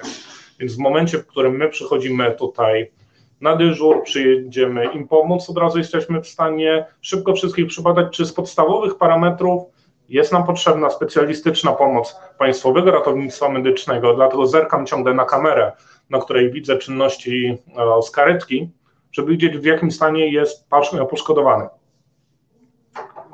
Powiem Ci, bo wiesz, no, często oglądamy filmy, jakieś takie seriale, tutaj Szpital Cudowności oraz Karetka Szczęścia, no a tu, tu ja się czuję, jakbym naprawdę brał udział w takiej historii na żywo. Wojtek, powiedz, bo, bo ludzie są pod wrażeniem, jesteście młodzi, mogliście po prostu, nie wiem, robić karierę w korporacjach albo gdzieś indziej. E, e, no właśnie. No ale no to jest, moi drodzy, radio na żywo. Być może wydarzyło się właśnie e, coś takiego, że, e, że no, wymagana była interwencja Wojtka. Tak więc. Już e, jestem z. No dobrze, myślę, że słuchacze i widzowie to absolutnie zrozumieją. No, jesteście w gruncie rzeczy na dyżurze, tak więc ja się trochę czuję jak taki intrus, który ma przeszkadza. Ale Wojtek, raz jeszcze, dlaczego, no właśnie, Skąd y, to, to, takie podejście, ta empatia? Czy, czy ty pomagając, nie wiem, czujesz się lepiej po prostu? A jak tam z pacjentem? Ja zostaję. Zostaje u nas? Ale ma wskazania, żeby go zabrać, czy... A ile miał u was? 168 O, tak. Dobra. Dobra, to ja nie chcę. Jest to właściciela. Tak, e, drodzy słuchacze, to ja teraz audiodeskrypcja, e, tak jak Kasia zaprosiła, że ma, macie dobrze ustawione priorytety, audycja audycją, ale jednak e, no, konkrety po prostu jesteście. No właśnie w tym momencie, którym było widać, że się odwróciłem, przyszła ratowniczka medyczna z zespołu ratownictwa medycznego, z możliwością przekazania mi informacji, co dalej z pacjentem, u którego rozpoznaliśmy przełom nadciśnieniowy. Dostałem informację, że pacjent czuje się dobrze, zostanie u nas, szczęśliwy i ciepły właśnie, zostały podane leki, które zbiło mu ciśnienie, więc jego życiu nie będzie już nic zagrażało. U, no to myślę, że nasi słuchacze odetchnęli z ulgą łącznie ze mną. Właśnie, no bo jesteśmy świadkami fragmentu waszego dyżuru. Czy zawsze to tak wygląda, czy, czy są momenty, że jednak no można się zdrzemnąć, czy raczej niestety w Warszawie e, na okrągło jest ruch? Tak naprawdę tutaj non-stop są ludzie, więc ile ludzi, tyle chorób, tyle przypadków. Zawsze jeśli mamy chwilę wolnego od drzemki, wybieramy porozmawiać sobie z taką osobą, co dotknęło ją, że znajduje się tutaj, gdzie jest. Bo tak naprawdę ilu ludzi, tyle pięknych, czasem przykrych, ale historii. Każdy człowiek jest dla nas historią, którą możemy wziąć do siebie i wyciągnąć z niej wnioski. Jak ty sobie radzić z emocjami? Bo, no, bo ja sobie nie wyobrażam po prostu takich, takich historii, że, że nie wiem, ktoś niedawno sobie wygodnie mieszkał, a nagle wiesz, no jest w nowej rzeczywistości zimno, przerażenie, czasami głodno, czasami choroba, no to, to, to, to jest e, masakra, no po prostu w gruncie rzeczy. Jak tutaj zareagować, no bo ja nie wiem, bym się raczej rozkleił. Tak naprawdę nie ma dobrego scenariusza, żeby trzymać emocje na wodzy. Zresztą jesteśmy tylko ludźmi, nie jesteśmy robotami, którzy są zaprogramowani do ciągłego przyjmowania emocji i nie odzywaniu ich. My tak naprawdę nieraz mamy dzień, w którym mówimy sobie, kurwa dość. Może to jest ostatni dzień mojej roboty, bo mam serdecznie dość. Ale wtedy sobie siadasz, myślisz z tyłu głowy, ilu ludziom pomogłem dzięki temu, że jestem i od razu ta cała dobra energia do nas wraca. Czy ratownik musi mieć twardą psychikę? Oczywiście tak. Zawsze jak idziesz do pacjenta, nie wiesz na co trafisz. Może to być pacjent, który skręcił kostkę, a może być to pacjent z NZK, czyli z nagłym zatrzymaniem krążenia, czyli jest to pacjent do reanimacji, którego każda minuta jest na wagę życia. No właśnie, no to, to jest e, niesamowita historia. A powiedz, jak teraz sytuacja w Warszawie? E, ile jest takich ogrzewalni w Warszawie, gdzie bezdomni mogą się schronić? Szczerze, nie mam bladego pojęcia, jest ogrzewalni. Moim zdaniem wciąż za mało. Wszystkie ogrzewalnie, które znamy w Warszawie, pękają w szpach. Jesteśmy w momencie, w którym w Warszawie panują ogromne mrozy. Nie jesteśmy na przykład na Podlasiu, gdzie dzisiejszej nocy temperatura padła poniżej, poniżej 25 stopni Celsjusza, gdzie normalni ludzie zamarzają. W dniu dzisiejszym w ogrzewalni mieliśmy czterech nowych pacjentów, trzech było z wyraźnymi odmrożeniami, gdzie zostaliśmy poproszeni przez właściciela, opiekuna, czy możemy przyjechać, zobaczyć, w jakim stanie jest pacjent, w jakim stanie jesteśmy mu pomóc i co zrobić dalej, bo on nie ma pojęcia. Powiedzieliśmy, jasne, stary, nie ma problemu, dzwonię do Lili, dzwonię do Oli, zbieramy się i jedziemy. Faktycznie, przyjechaliśmy, przebadaliśmy pacjenta na tyle, na ile byliśmy w stanie, czyli w wytycznych kwalifikowanej pierwszej pomocy, i zdecydowaliśmy się, że pacjent nie musi i nie wymaga hospitalizacji, czyli przewiezienia na szpitalny oddział ratunkowy celu dalszego pobytu w szpitalu, tylko może bezpiecznie, bez zagrożenia życia i zdrowia zostać tutaj w ogrzewalni. Pytaliśmy, czy to oznacza, że macie e, pojazd specjalny, czy poruszacie się karetką taką regularną? Jak wygląda wasz zespół mobilny? No, tak, oczywiście. Nasz zespół przemieszcza się pojazdem zwykłym.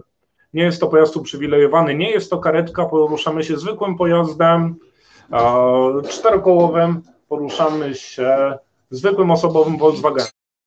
Po prostu e, trzeba to tak nazwać. Po prostu.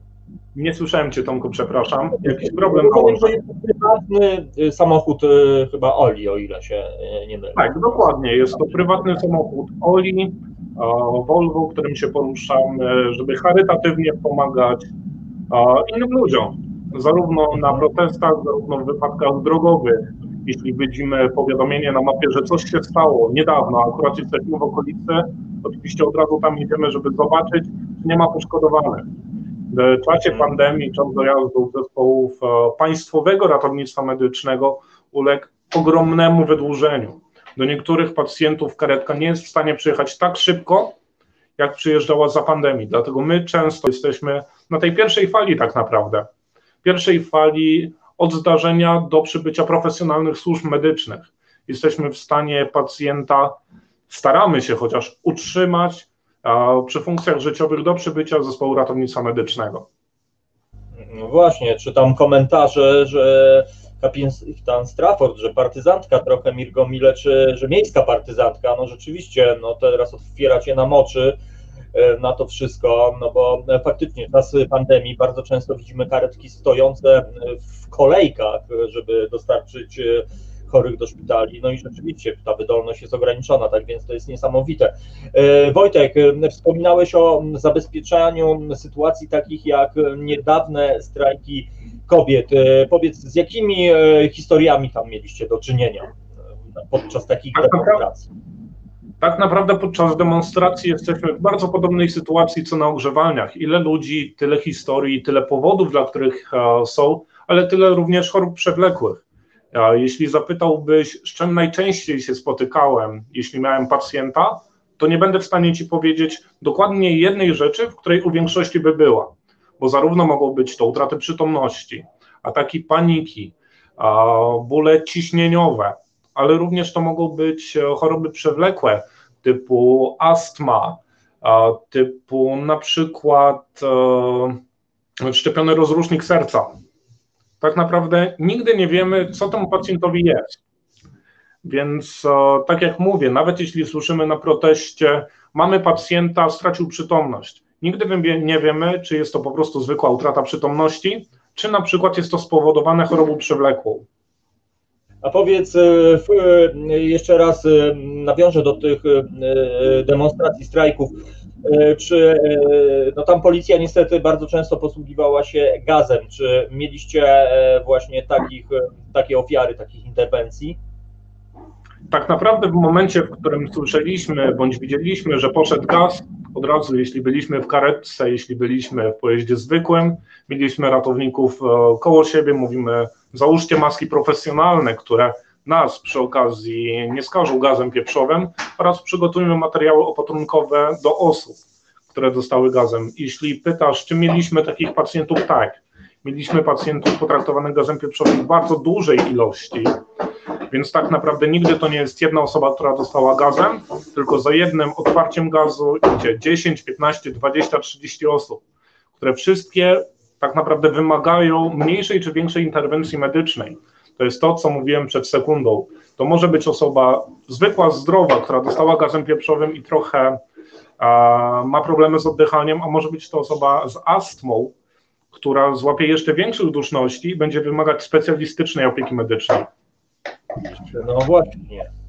E, I tu dochodzimy do, e, do, do sedna tej historii, bo no jakoś ostatnio ten gaz e, był bardzo potrzebny właściwie nieodłączną częścią tych e, demonstracji, tak więc no ja myślałem, że to jedyne zagrożenie to jest takie rzeczywiście, że trochę połzawi, trochę podusi i, i, i przejdzie. A powiedz, jak wy jesteście traktowani e, przez e, policjantów? Czy widać z ich strony respekt, czy was omijają, czy też musicie często się tłumaczyć, co robicie, dlaczego tu jesteście?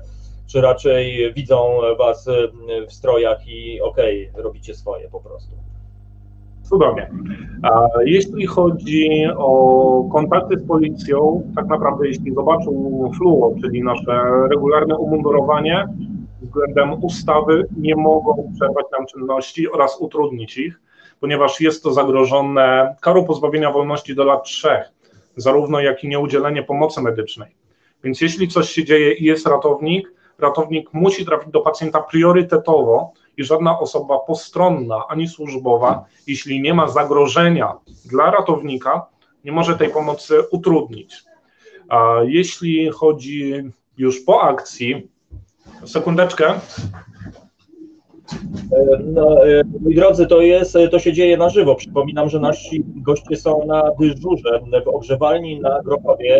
Ola Widelska i Wojtek Jędrzejczak, no tak, tak to wygląda, słuchajcie, e, macie okazję zobaczyć z bliska mniej więcej, e, jak to, jak to wygląda. No właśnie, co tam się dzieje? Wszystko jest pod kontrolą, bezpiecznie, spokojnie? Tak, wszystko jest bezpiecznie, spokojnie. Właśnie dostałem informację, że pacjent, który był pod opieką zespołu ratownictwa medycznego, został już odpisany, nie wymaga dalszej opieki medycznej, więc jest w stanie już w ustabilizowanym stanie zdrowia zostać z nami. I można powiedzieć, że sukces, jakiś mikrosukces po prostu w skali No tak naprawdę kończymy tą historię happy endem. O, i Pacjent zdrowy. Słuchaj, no, e, tak się kończyło częściej. Wojtek, media często donoszą o aktach agresji wobec e, ratowników medycznych. Spotkałeś się z takim zjawiskiem?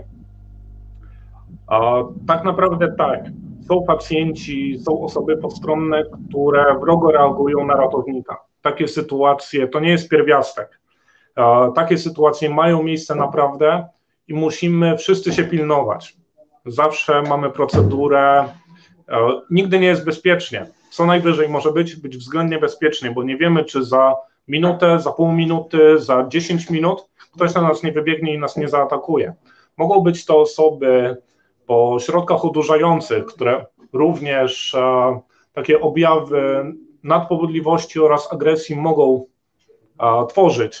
Więc e, jak najbardziej tak. Wobec mnie podczas czynności medycznych w szpitalu również zostałem zaatakowany przez pacjenta, który okazało się, że był pod wpływem metamfetaminy. Niesamowite. No właśnie, przyznam się, że ilekroć słyszę o tych aktach agresji, to od razu sobie tak właśnie mm, myślę, że, że za tym idą jednak konkretne substancje, albo tak zwane dopalacze, albo właśnie te wszystkie e, historie. No, trudno sobie wyobrazić, że ktoś przy zdrowych zmysłach będzie atakował osobę, która mm, podąża do niego z pomocą. No właśnie Wojtek, a propos substancji, jaka, czy, czy, czy jest to cały czas problem e, społeczny? Mówię o narkotykach. To jest problem społeczny, który z dnia na dzień się nie skończy. Jeśli chodzi o świadomość społeczną co do środków odurzających, jest to nadal problem. Czy są one nadal brane tak? Co nieraz na nasze szpitalne oddziały ratunkowe, gdzie normalnie jesteśmy zatrudnieni, ja w roli opiekuna medycznego oraz ratownika, trafiają pacjenci po zużyciu, po zażyciu środków odurzających, którzy są wtedy dla nas podwójnym zagrożeniem bo nigdy nie wiemy, co tak naprawdę pacjent ma w głowie i co zaraz się może stać.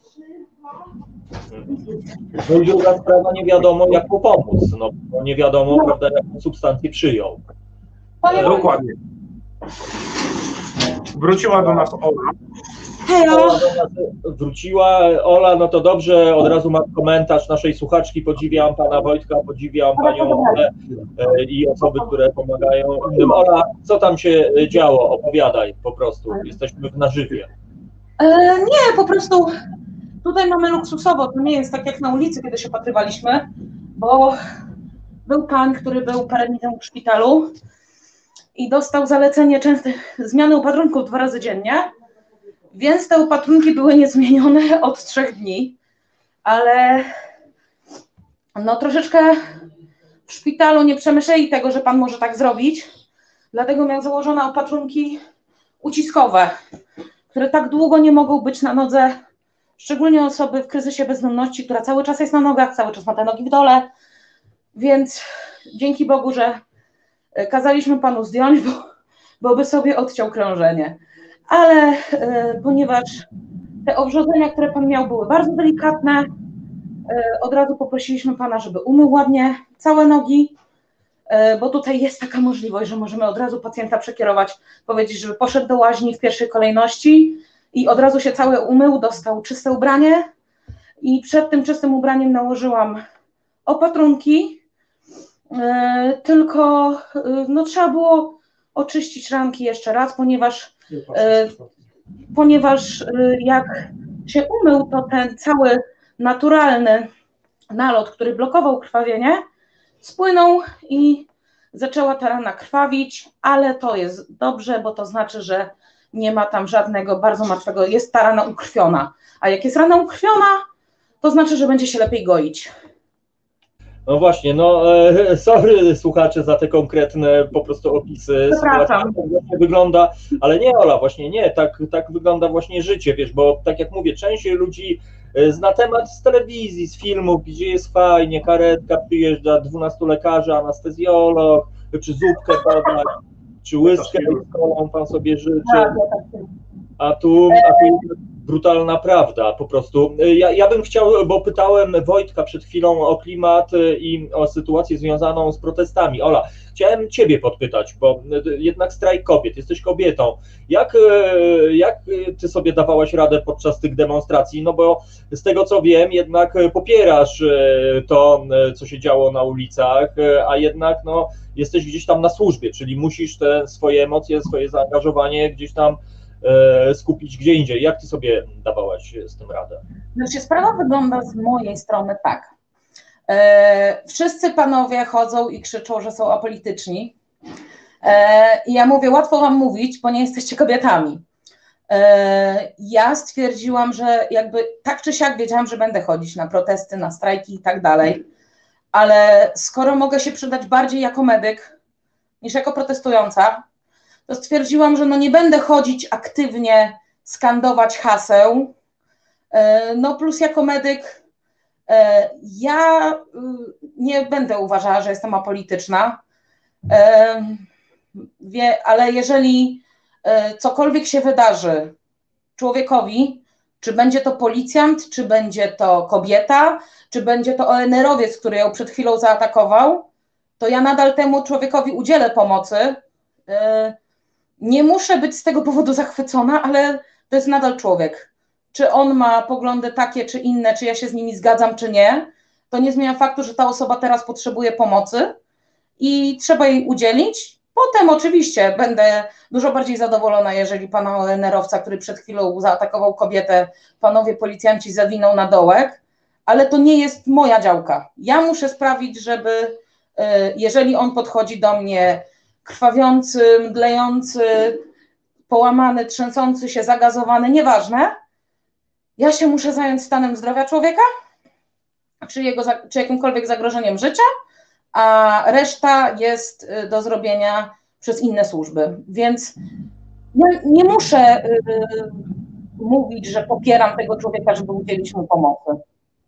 No, powiem Ci, słuchając Twojej wypowiedzi, e, sobie przypomniałem e, taką wypowiedź e, cudownej kobiety, pani Wandy Traczyk, pseudonim Pączek, żołnierki Powstania Warszawskiego, która mówiła, wiesz co, bardzo podobne słowa, że w momencie tutaj walki, bo ona była też sanitariuszką, kiedy widziała rannego Niemca, rannego po prostu wroga, w tym momencie oni zapominali o tym, że to jest wróg. Tutaj jest człowiek, pojawiał się po prostu człowiek I, I powiem Ci, że naprawdę no, ogromny szacunek ona za to, co powiedziałaś, bo no kurczę, to jest e, naprawdę wzruszające po prostu. I znaczy, jesteśmy... ja, tą, ja tą historię znam bardzo dobrze i Aha. myślę, że dla mnie, tak jak dla wszystkich medyków, jest ona oczywista.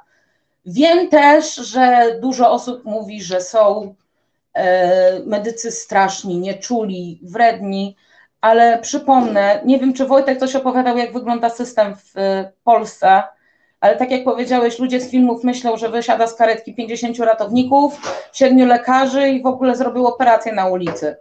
To tak nie działa. Bardzo często mamy y, w karetkach podstawowych dwóch ratowników. I my, jak jesteśmy na strajkach, no mamy ten luz, że nas jest. Yy, Ostatnio byliśmy przy pacjentce w 7 osób, to nawet było nas za dużo, ale dzięki temu mogliśmy wyznaczyć funkcję osoby notującej, e, co też bardzo fajnie było. W jednym miejscu mieliśmy spójnie wszystkie parametry, wszystkie czynności, które mogliśmy przekazać zespołowi ratownictwa medycznego. E, miałam, mieliśmy jedną osobę, e, która była czysta, podawała nam wszystkie rzeczy z torby, żeby też zmniejszyć jakby zakażenie sprzętu, no ponieważ my jeździmy, my to wszystko robimy prywatnie i wolontaryjnie. Więc e, jest to też z naszych własnych prywatnych środków. E, system ochrony zdrowia, karetki mają opcję jeżdżenia na całe dekontaminacje, dezynfekowania całego sprzętu wielokrotnie, a my to wszystko robimy z własnej kieszeni. Znaczy się przyznam, że robimy zbiórki różne i, i ludzie nam trochę pomagają, ale też trochę głupio, jak ja raz te, te środki idą po prostu jak momentalnie. momentalnie, no bo to wszystko, szczególnie w dobie koronawirusa, rękawiczki poszły ceny horrendalnie, dezynfekcja ceny horrendalnie, więc wszystkie rzeczy, których potrzebujemy po prostu w gigantycznych ilościach, schodzą nam raz, dwa i mi jest najzwyczajniej w świecie głupio robić co 15 minut zbiórki i je wysyłać, ale teraz e, mamy, mamy taki plan, e, żeby właśnie zrobić kolejną zrzutkę, tym razem na karetkę, którą będziemy mogli jeździć po strajkach, i do bezdomnych, e, bo póki co operujemy moim prywatnym samochodem, który dobrze znasz, e, więc. E, no właśnie, cel szlachetny, ale słuchają nas ludzie i dopytują się, na przykład jak teraz, Ola, doraźnie, co teraz naprawdę w dobie tej temperatury, która jest za oknami, co teraz jest najbardziej potrzebne? Czym można by Was wesprzeć w tej chwili? Czym można doraźnie teraz Wam pomóc? W tym momencie Ola zrobiła bardzo fajny pomysł. Po konsultacji spotkaliśmy się. Hej Ola, wiesz co, robi się zimno.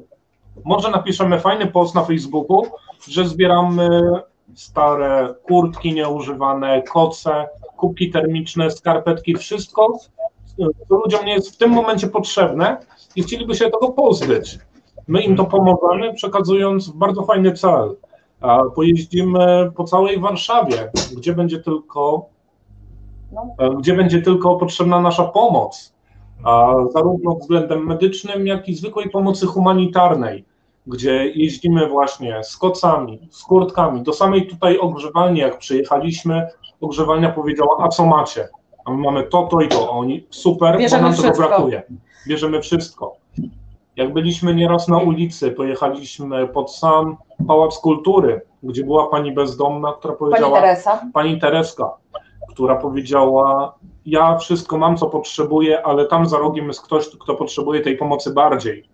Pamiętajmy, to nie są osoby, które po prostu chcą zarobić na, tym, na swoim nieszczęściu. Są to osoby względem bardzo życzliwe, które wiedzą dokładnie, gdzie osoby bezdomne w kryzysie bezdomności potrzebują tej pomocy bardziej. Jeśli oni jej nie potrzebują, są w stanie nam wskazać adres. Wiesz co, ostatnio byłem na, byłam, byłem na tym skłocie, tam jest pan, pan Heniek, który nie ma niczego, który śpi w krótkich spodenkach. My wtedy mamy, Ola, wiesz co, może dostaliśmy fajny śpiwór, Stary pojedziemy i damy panu Henkowi. Jeśli chodzi o to, to przede wszystkim no, my sobie za, zaczęliśmy e, tak o z naszej inicjatywy, pomimo tego, że wiemy, że jest bardzo dużo fundacji, e, rozważamy, żeby założyć własną, ale to jest długa droga, zanim nam się to uda. Dlatego póki co, ponieważ nie mamy e, rozbudowanych jakby my środków, e, ale współpracujemy właśnie tutaj z ogrzewalnią, e, z, współpracujemy z Fundacją Ambulans Serca, współpracujemy, e, wysyłamy, przekazujemy, przede wszystkim ważne są informacje, wiemy gdzie można zjeść, przekazujemy kontakt do lekarzy nadziei, odsyłamy właśnie do medyków na ulicy, jeżeli ktoś ma rany, z którymi my nie jesteśmy w stanie nic zrobić, no bo mamy co, my, my mamy oktenisept i bandaże, i to jest Mamy wszystko, bardzo co... ograniczone możliwości sprzętowe, dlatego ciągle je uzupełniamy jeśli mamy jeszcze jakieś pieniądze z rzutki, inwestujemy je właśnie w sprzęt, który charytatywnie tak naprawdę będziemy udostępniać i pracować na nim na innych ludziach, Poczekaj. od których my nic nie żądamy.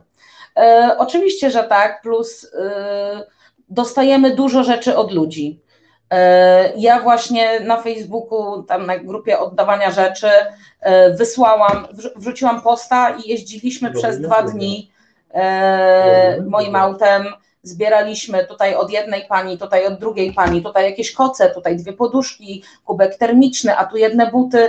I tak jak wtedy mówiłam Ci dwa lata temu, akurat potrzeby bezdomnych nie zmieniły się za wiele, e, chociaż my teraz mamy dodatkowe e, jakby drogi dystrybucji, więc e, to, co dostajemy, możemy wszystko przekazać w odpowiednie miejsca, no bo niektóre fundacje nie rozdają kocy, inne nie rozdają ubrań, a my tak jakby zbieramy wszystko i rozwozimy do tych ludzi, którzy wydają konkretnie, ale i też znają tych podopiecznych, e, więc e, tutaj mamy, zbieramy śpiwory, koce, kurtki, bieliznę, To jest coś, o czym zawsze huczę przy bezdomności, bo ludzie o tym nie wiedzą. Jak to mogę oddać swoją używaną bieliznę? Możesz. Wypierz, czy tam, nie wiem, jak masz potrzebę, przegotuj, y, byle to nie miało dziur, bo jak ktoś jest bezdomny, to y, takie skarpetki, które były użyte trochę, ale nadal nie są y, dziurawe, wystarczy je wyprać i dla niego to jest po prostu zbawienie. Czyste skarpetki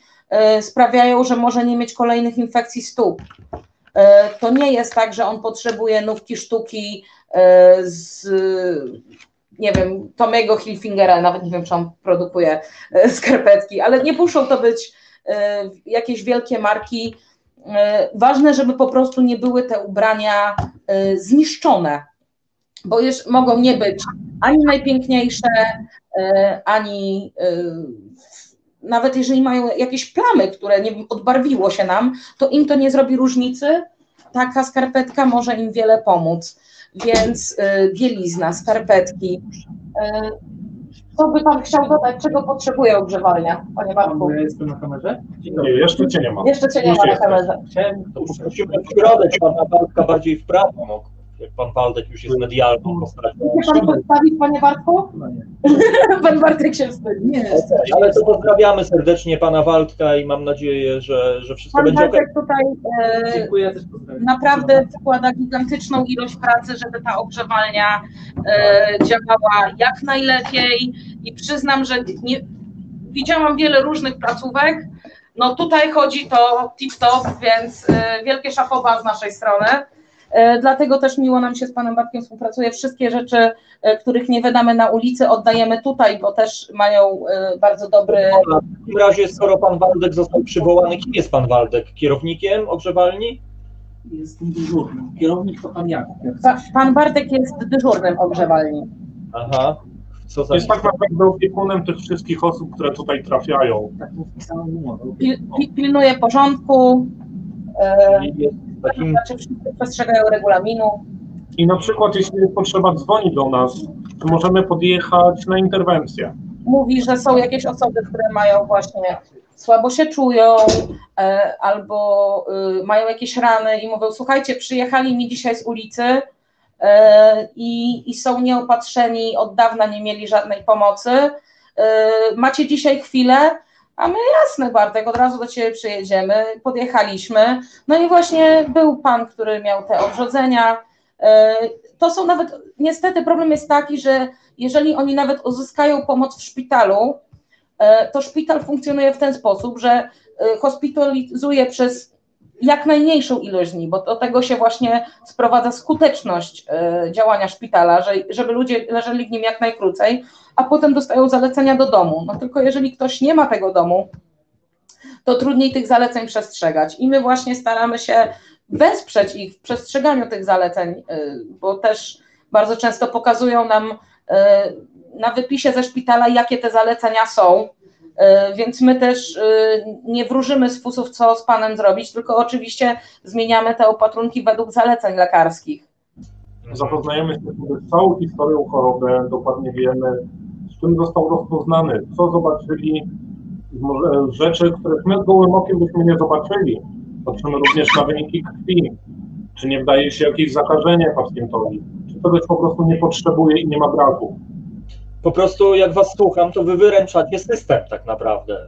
Kurczę, no trzeba tak to Wyręczamy, e, to nie jest dobre słowo, wyręczamy, Aha. e, bo wszyscy medycy, pracują w systemie, w szpitalach, w zespołach ratownictwa medycznego, e, naprawdę wypracowują sobie, wypruwają żyły za, no nie oszukujmy się, psie pieniądze, z- beznadziejne traktowanie i tragiczne, gigantyczne ilości, e, ale już proszę, tragiczne ilości, no jak ja słyszę o, y, o ratownikach, którzy robili 24-godzinny dyżur, ale ich zmiennik właśnie dostał y, kwarantannę covidową i zostają na kolejne 12 godzin.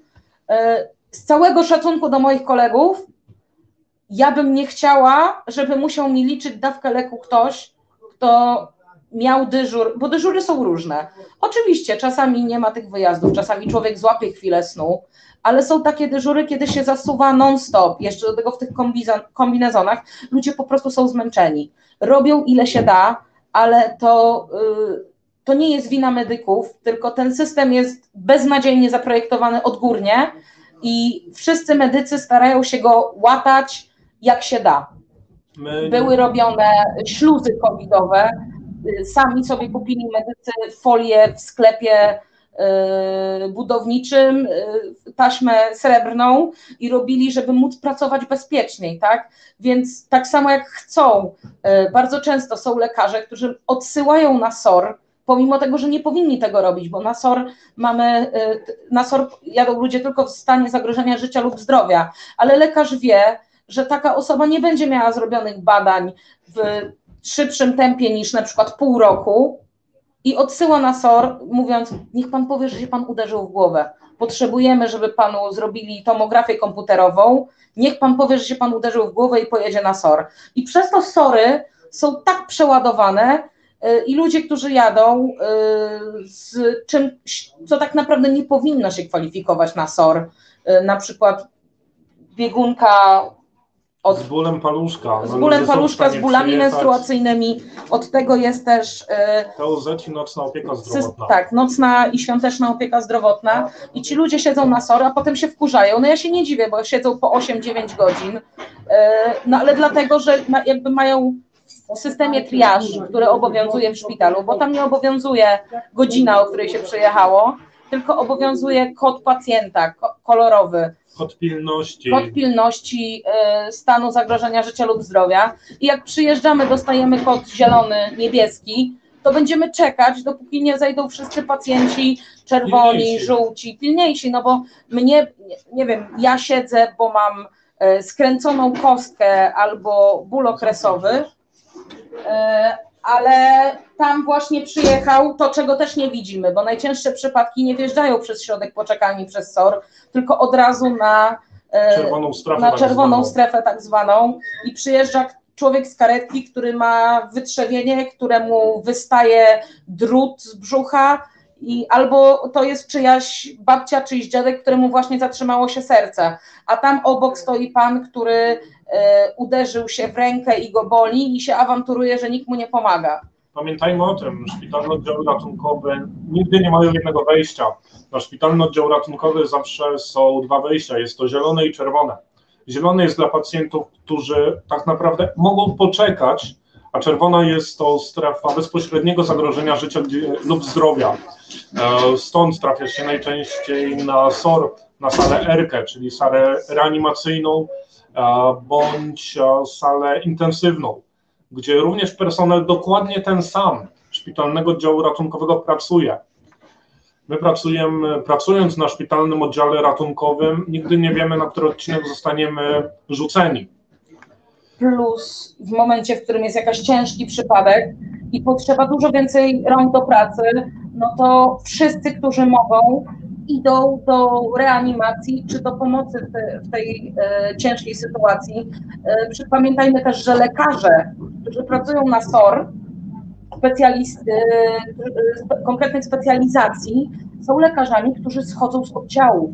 Oni mają swoich pacjentów, którymi muszą się zajmować jak to się wszystkim, jak to się mówi, żeby strzec z góry. Oni są na oddziałach, oni mają tam swoich pacjentów, oni ich pilnują, e, oni przeprowadzają planowe operacje e, i nie jest ich też tak dużo, tak? Więc jeżeli pacjent, jeżeli na przykład jest lekarz, który robi obchód i jest ktoś ze złamaną ręką, to przeżyje jakby poczekanie pół godziny, aż ten lekarz no ten obchód zrobi. No. E, tak sobie Was słucham i, i, widzę, że chyba, chyba za mało w ogóle mówimy o tym, bo, bo aż trudno sobie to w ogóle zestawić po prostu, że z jednej strony dramat, a z drugiej strony czasami ktoś przychodzi na taki SOR i mamy wrażenie, że jest to być może forma z całym szacunkiem spędzania wolnego czasu po prostu, kiedy ja takich... Czy jak najbardziej są pacjenci, którzy kochają SORy, którzy przychodzą się dobrze wyspać,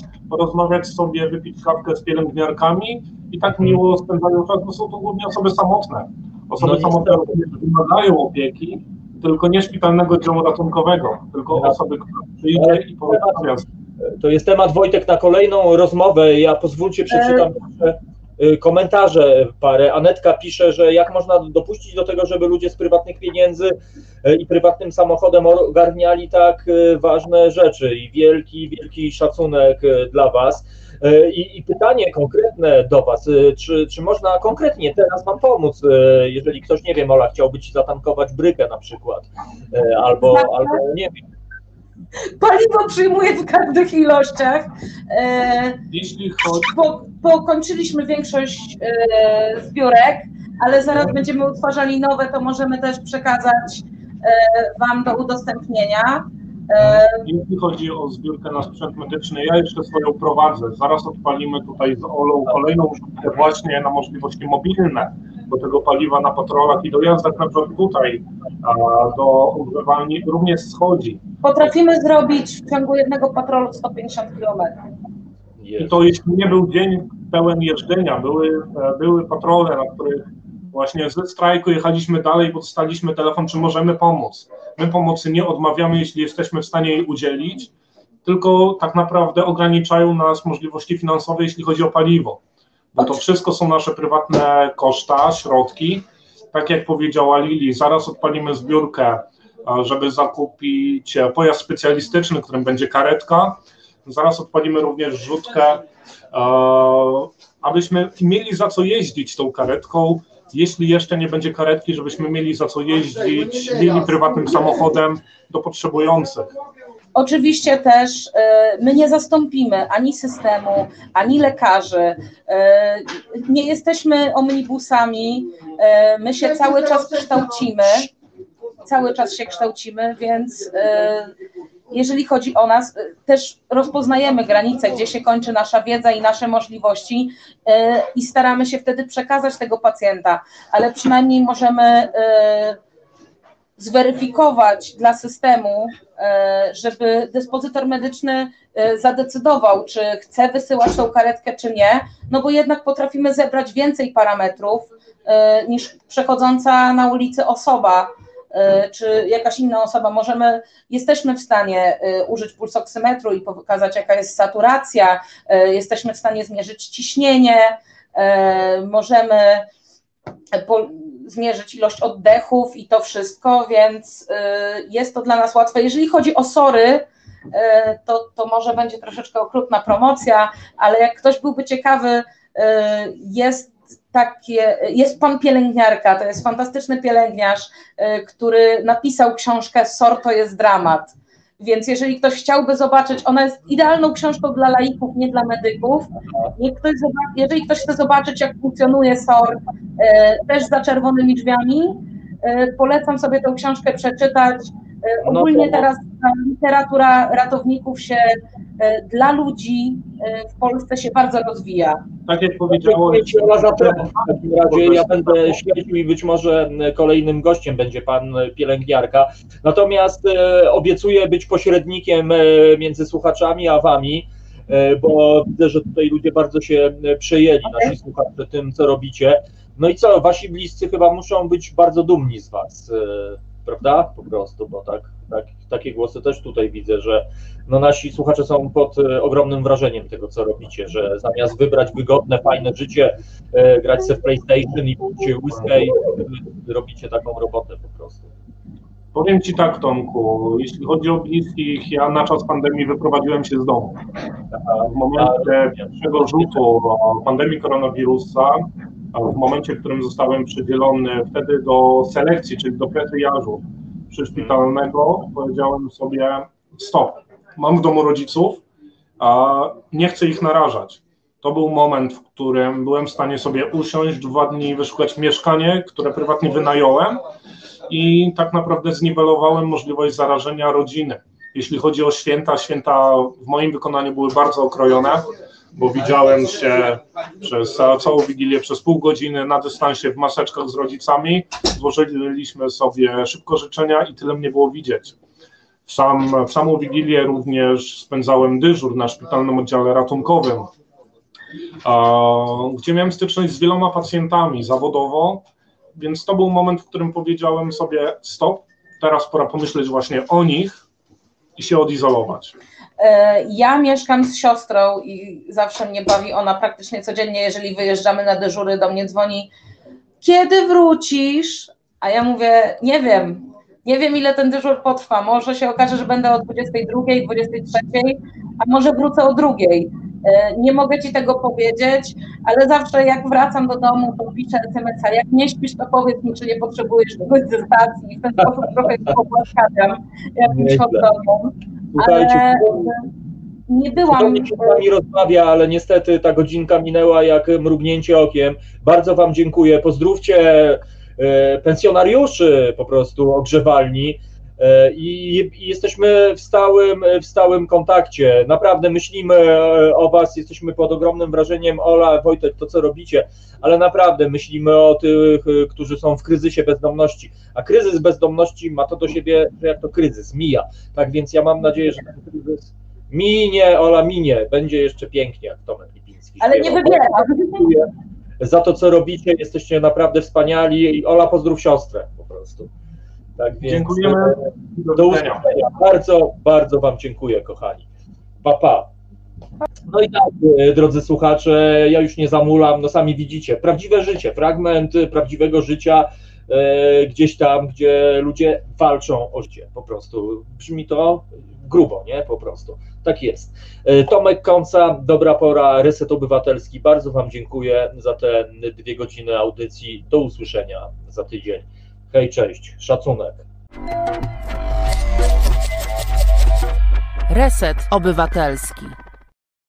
To był program Resetu Obywatelskiego. Subskrybuj nasz kanał na YouTube, obserwuj na Facebooku i Twitterze.